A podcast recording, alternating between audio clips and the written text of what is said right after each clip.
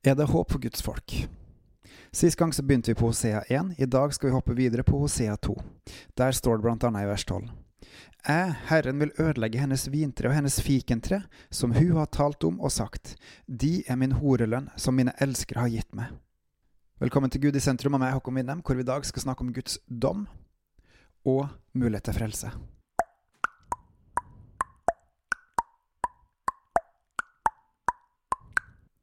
Sist gang så lærte vi at Hosea var en profet som levde i Nordriket, Israel, Efraim, ca. 750 år før Jesus ble født, og at han profeterte inn et budskap inn til Israelsfolket fordi de gjorde så mye ondt både mot Gud og mot medmennesker. På mange ulike nivåer så gjorde de tvert imot det som Gud eh, sa at de skulle gjøre. Og nettopp pga. denne urettferdigheten, denne ondskapen, så fortjener de straff. Og det fikk de også noen tiår senere, når det ble bortført eh, i år 722 eh, før Kristus av Syreriket.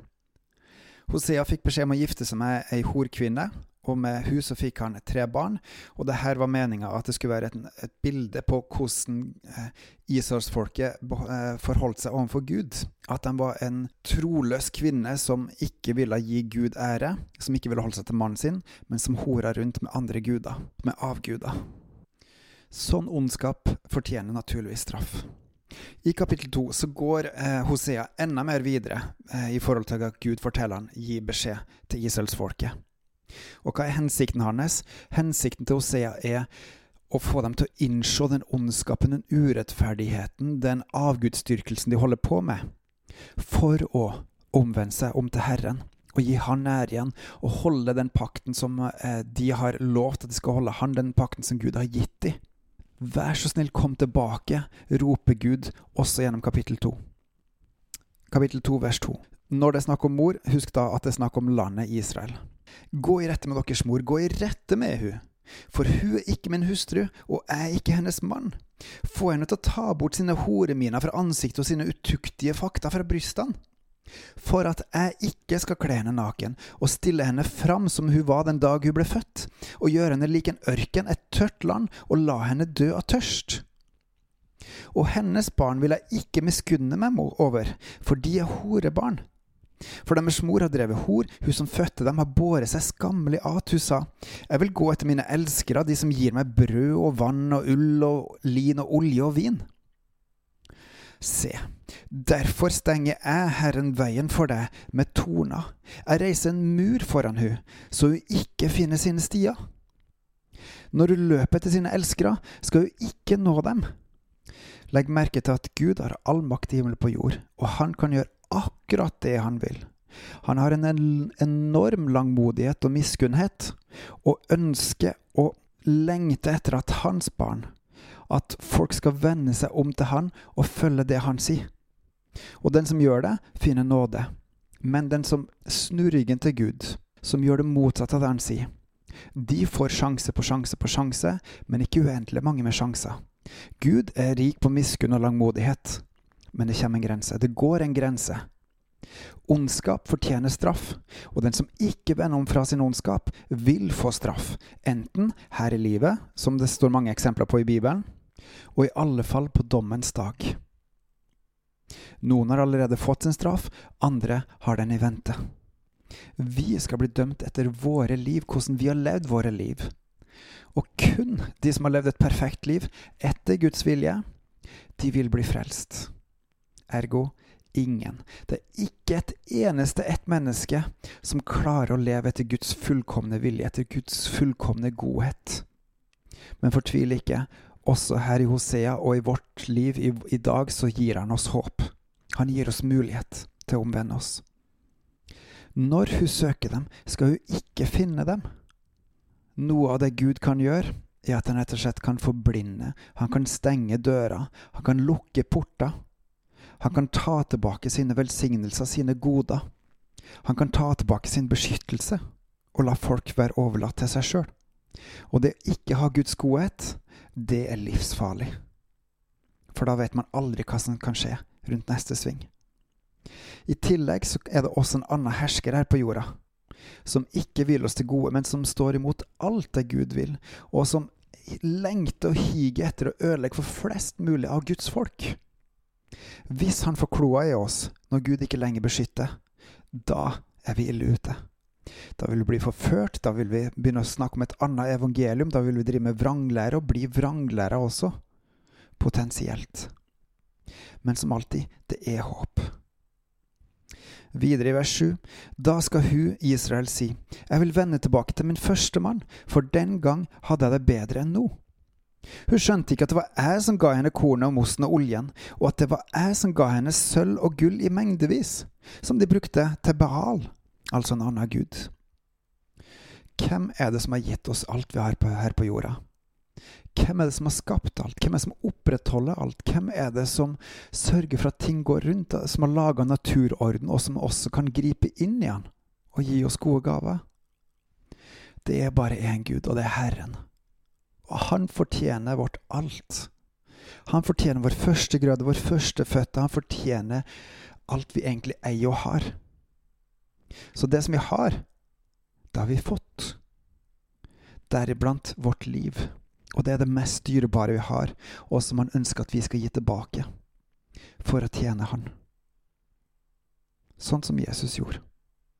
Og nettopp det er helt fantastisk at Gud valgte å gi det mest dyrebare han hadde, sin egen sønn, og ofre han for at vi skal få lov til å komme hjem til han.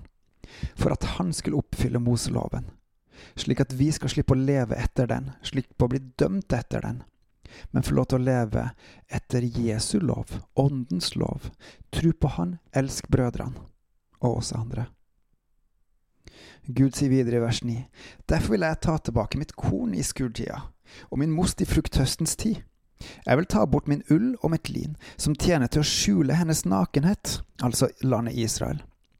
Ja, nå vil jeg blotte hennes skam for hennes elskeres øyne, og ingen skal rive henne ut av min hånd. Jeg vil gjøre ende på alle hennes glede, hennes fester, hennes nymåneder, sabbater og alle hennes høytider. Dette høres hardt ut, at Gud kan gjøre noe sånt. Men samtidig, husk på hva er det Israel Nordrike har gjort? De har vendt seg om fra Han, fra selve sannheten og godheten og over til andre avguder, og følger andre avguder og gir de æren istedenfor Han som har gitt oss alt, og som fortjener vårt alt. Så gir de æren til andre. Og i tillegg så gjør de det akkurat det motsatte av det som Gud befaler oss å gjøre for å gjøre det gode. Er det ikke naturlig at det fortjener straff, på samme måte som vi fengsler folk i Norge i dag hvis de har gjort noe galt? Videre, jeg vil ødelegge hennes vintre og hennes fikentre, som hun har talt om og sagt, de er min horelønn som mine elskere har gitt meg. Og jeg vil gjøre dem til skog, og markens dyr skal ete dem. Jeg vil straffe henne for de dagene da hun brente røkelse for baalene og pryda seg med nesering og halsmykke og gikk etter sine elskere, men glemte meg, sier Herren. Hører vi ondskapen, hører vi avgudsdyrkelsen? Hører vi egoismen, sjølsentrertheten. Mennesket i sentrum istedenfor Gud i sentrum. Se, derfor vil jeg lokke henne og føre henne ut i ørkenen og tale vennlig til henne. Og så snart hun kommer derfra, vil jeg gi henne vingårdene tilbake og gjøre Akorsdal til et håpets stør for henne. Hun skal takke der som i sin ungdoms dager, som den dag hun dro opp fra landet Egypt. Og det skal skje på den dag, sier Herren, at du skal rope, min mann. Du skal ikke mer rope til meg, min Baal. Jeg vil ta Baalenes navn bort fra hennes munn, og de skal ikke mer nevnes med navn. På den dag vil jeg gjøre en pakt for dem med markens dyr og med himmelens fugler med jordas kryp. Bue og sverd og krig vil jeg bryte i sønder og utrydde av landet. Jeg vil la dem bo i trygghet. Jeg vil trolove meg med deg for evig tid. Jeg vil trolove meg med deg i rettferdighet og rett, i miskunnhet og barmhjertighet. Og jeg vil trolove meg med deg i troskap, og du skal kjenne Herren. Gud vil føre folket sitt ut i ørkenen. Han vil ta vekk alt det vi har og eier, for å vise oss igjen at hos Han, og kun hos Han, er vi trygge. Gud er rik på langmodighet og miskunn. Og han, det han gjør, er godt, også når han straffer oss, for hensikten med straffen er å føre oss hjem igjen. Vi velger fortsatt. Vi kan velge å omvende oss nå, før fulle straffen er slått inn. Og også når vi har fått straffen, så har vi muligheten til å omvende oss. Hvis vi ikke har blitt for stolt. Hvis vi ikke har blitt for håmodig. Vi trenger å be for hverandre. Vi trenger å be for Guds folk om at vi omvender oss til Herren, og at vi følger Han. Da vil han vise oss barmhjertighet og miskunnhet og langmodighet igjen. Det skal skje på den dag at jeg vil bønnhøres i Herren. Jeg vil bønnhøre himmelen, og den skal bønnhøre jorda. Jorda skal bønnhøre kornet og mosen og oljen, og de skal bønnhøre Israel. Jeg vil plante henne for meg i landet, jeg vil miskunne meg over Lo Roama, og jeg vil si til Lo Ammi, du er mitt folk, og det skal svare, min Gud. Herre, tilgi oss. Tilgi oss vår avgudsdyrking. Tilgi oss alt det onde vi gjør, og hjelp oss til å se det. Hjelp oss til å skjønne at vi må omvende oss. Kall oss til omvendelse. Og må vi hver enkelt og kollektivt vende oss til det og si, Herre, tilgi oss vår urett, tilgi oss vår ondskap, tilgi oss alt det onde vi har gjort. Og gi oss av din nåde, gi oss av din miskunnhet, og gi oss av din ånd sånn at vi er i stand til å vende om til deg og følge deg, og følge ditt rike, og følge din vilje, til din ære. Amen, amen, amen. På gjenhør.